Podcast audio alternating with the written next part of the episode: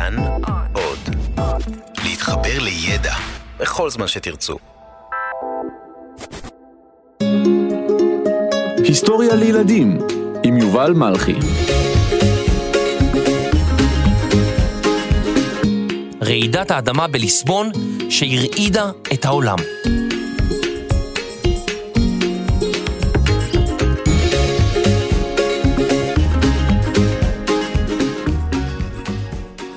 אחד בנובמבר 1755 היה יום שמש סתווי בליסבון, בירת פורטוגל. אנשי העיר חגגו בלילה את ליל כל הקדושים, והבוקר החג היה אמור להגיע אל שיאו. אנשי ליסבון היו אנשים דתיים אדוקים, דתיים מאוד, ועירם הייתה אחת הערים היפות והעשירות באירופה. אבל רגע, שנייה, מה זאת אומרת ליל כל הקדושים? מי אלה הקדושים האלה? זה לא מסובך כל כך. הנצרות מכתירה אנשים מסוימים בתואר קדושים, בזכות מעשים מיוחדים שעשו בחייהם, מעשים עבור האל או מעשים מיוחדים כלפי בני אדם. קדושים מסוימים הופכים למגינים של קבוצות מסוימות באוכלוסייה. למשל, יש קדושים שמגינים על עיר או מדינה, יש קדושים שאחראים לרפא מחלות מסוימות, או כאלה שמשמשים בעלי מקצוע שונים. למשל, הקדוש הנוצרי היפוליטוס מרומא מרפא סוסים חולים. הרבאוס הקדוש מרפא מחלות עיניים. אנסובינוס הקדוש הוא מגינם של הגננים, ואליו הם אמורים להתפלל. אנטיפס מפרגמון הוא המגן או הפטרון של רופאי השיניים. הקדושה הנוצריה סיסיליה היא פטרוניתם של המוזיקאים, וכן הלאה. לכל קדוש יוחד יום בלוח השנה. אך עד מהרה התמלא לוח השנה, ומאות קדושים נותרו בלי יום מיוחד להם. כדי שלא ייעלבו, חוגגים את ליל כל הקדושים, שבו חולקים כבוד לקדושים הנוצרים שלא קיבלו יום מיוחד משלהם.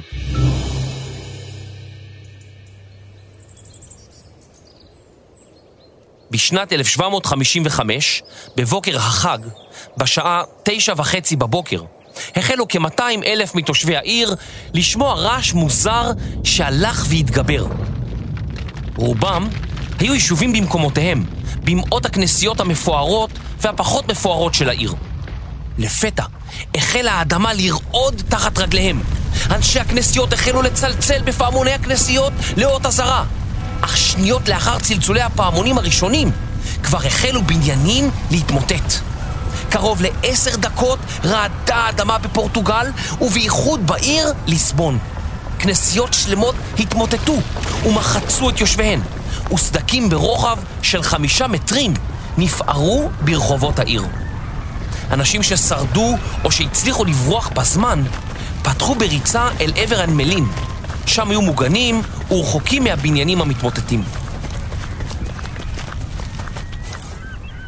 כשהביטו אל הים, אל המקום שבו נהר הטחו נשפך אל האוקיינוס האטלנטי, הם הבחינו בדבר מוזר. הים כאילו נעלם, ועתה הם עמדו וצפו בקרקעיתו. בניינים מתמוטטים, הים נעלם, זה היה כבר יותר מדי בשביל רוב האנשים. הם קראו ברך והתפללו שמשהו או מישהו יציל אותם. אמנם מקור רעידת האדמה היה בקרקעית הים, כ-200 קילומטרים מליסבון, אבל הוא היה עצום. בשעה עשר ועשר דקות באותו הבוקר התרוממו גלי צונאמי ענקיים שגובהם של שישה עד 12 מטרים, ששטפו והחריבו את הנמלים. אלפי אנשים שביקשו מחסה בנמל ובחלקים הנמוכים של העיר נשטפו לים ונהרגו. גלי הצונאמי הגיעו למרחק של 30 קילומטרים ויותר מהחוף. במקומות גבוהים יותר בעיר פרצו שריפות שנגרמו מנרות ומתנורים שאנשים השאירו דולקים כשנמלטו או נהרגו. השריפות הלכו והתפשטו בכל רחבי העיר, ועד מהרה הפכו לשריפה אחת עצומה שלא היה אפשר לכבות במשך חמישה ימים רצופים. כמעט כל הבניינים בעיר נשרפו או נהרסו.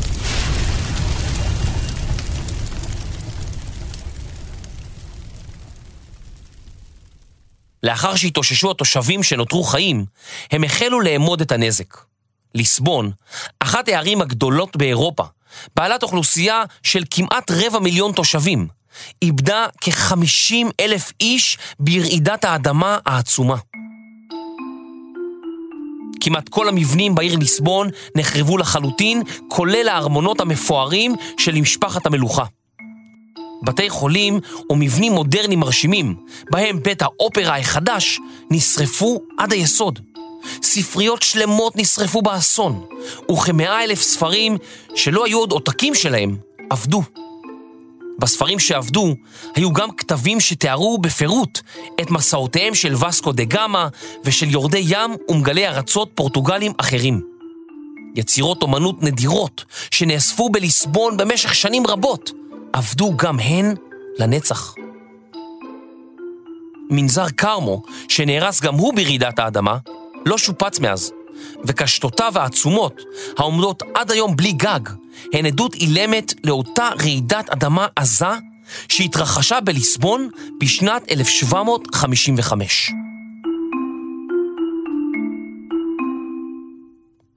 היום מניחים שרעידת האדמה הייתה בעוצמה תשע בסולם ריכטר, והיא הורגשה גם בשוויץ, באלג'יר ואפילו בפינלנד.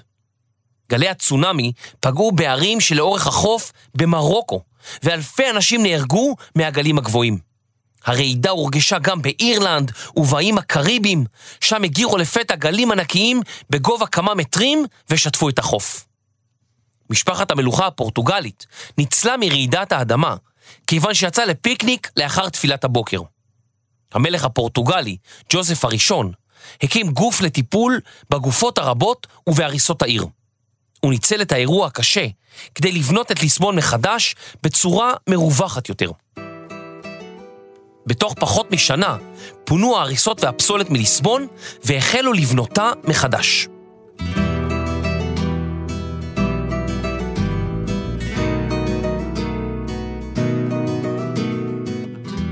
פורטוגל הייתה אימפריה ענקית והיו לה מושבות מעבר לים. באפריקה, באסיה ובדרום אמריקה. פורטוגל שלטה גם על ברזיל העצומה, ועד היום השפה המדוברת בברזיל היא פורטוגזית. משפחת המלוכה נאלצה להשקיע כסף רב בהקמה המחודשת של העיר ליסבון, והדבר הביא למרמור ולמרידות במושבות המרוחקות של פורטוגל. ספרד וצרפת נלחמו בפורטוגלים בשנים הבאות. ברזיל הכריזה על עצמאות והתנתקה מפורטוגל. ובתוך זמן לא רב הפכה פורטוגל ממעצמה אירופית אדירה למדינה קטנה, ענייה ולא חשובה. אולי חוץ מרונלדו. אבל נחזור לרגע לרעידת האדמה. ההשפעה שלה הייתה מעבר לכמה בניינים שנפלו. היא הכניסה את אירופה לסחרור. לאחר הרעש, מילה אחרת לרעידת אדמה, חיפשו אנשי פורטוגל הסבר לאסון שפקד אותם. אנשי דת נוצרים טענו באוזני המאמינים כי רעידת האדמה התרחשה בשעה שאנשי העיר שהו בכנסיות מפני שאלוהים החליט אה, אה, להעניש את אנשי פורטוגל על אה, חטאי בני האדם בעולם. בני אדם אחרים. זאת אומרת, הוא החליט להעניש את הפורטוגלים הנאמנים על חטאים של אנשים אחרים לגמרי, שלפורטוגלים לא הייתה שליטה עליהם. איזה הסבר מוזר. ובאמת, ההסבר לא שכנע רבים, שהרי האסון התרחש באחת הערים הדתיות בעולם, בשעה שכמעט כל תושביה התפללו בכנסייה. איזה אלוהים לא הגיוני עד כדי כך שהוא מחליט להעניש מישהו על מעשה שהוא לא עשה. הכנסיות, ששכנו בעיקר במרכז העיר, נבנו על אדמה רכה, ולכן בעת הרעש הן התמוטטו בזו אחר זו. לעומתן, בתי עסק מפוקפקים שנבנו בפאתי העיר, נבנו על אדמה סלעית, והם שרדו ברעידה. דבר שהפליא מאוד את התושבים. הם לא הבינו מדוע אלוהים הורס כנסיות, אבל בוחר שלא להרוס בתי עסק מפוקפקים. כיוון שהתושבים לא התרצו מהסברי אנשי הדת בעניין הסיבה לאסון. הם החלו להקשיב להסברים אחרים, שלפיהם מדובר באסון טבע, שהתרחש מסיבה לא ידועה, ולא בשל עונש אלוהי כזה או אחר. רעידת האדמה של ליסבון החלה לסמן את ירידת שליטתה של הכנסייה בדעותיו של האדם הפשוט, ואת המעבר לעידן של לוגיקה ומדע. רוב האנשים הנוצרים באירופה, גם באותם ימים, לא ידעו לכתוב ולקרוא, והם הסתמכו על מה שאמרו אנשי הדת הנוצרים. הוגי דעות רבים הסבירו את רעידת האדמה כאירוע שאין לו קשר לאלוהים. וולטר, אחד מאנשי הרוח המובילים של עידן הנאורות, אותה תקופה באירופה, כתב את הפואמה של אסון ליסבון. תרגמתי אותה בשבילכם. כיצד אפשר לייחס מעשה חטא לתינוק המת, שעל אמו דם הוא שוטט? ומה ליסבון שהפכה לאיי חורבות, פשעיה כבדים משל פריס המתהוללת? ומה על כתר המלכות, האוחז בהון עתק, ומלוכה שחיה ברעבה, בעוד עמה נמק.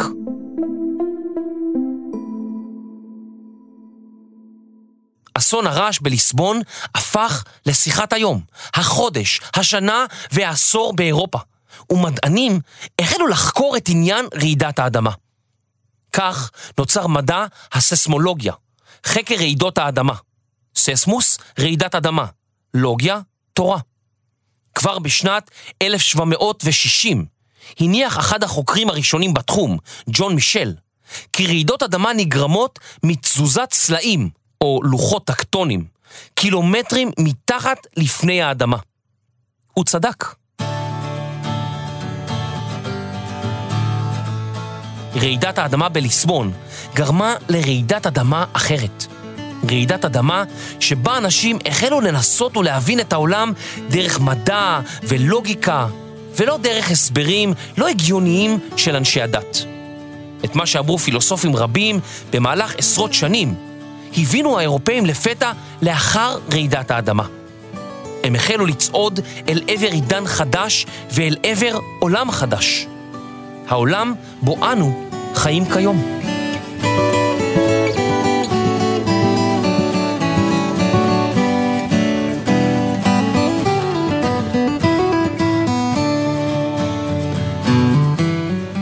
מחקר כתיבה וקריינות, יובל מלכי.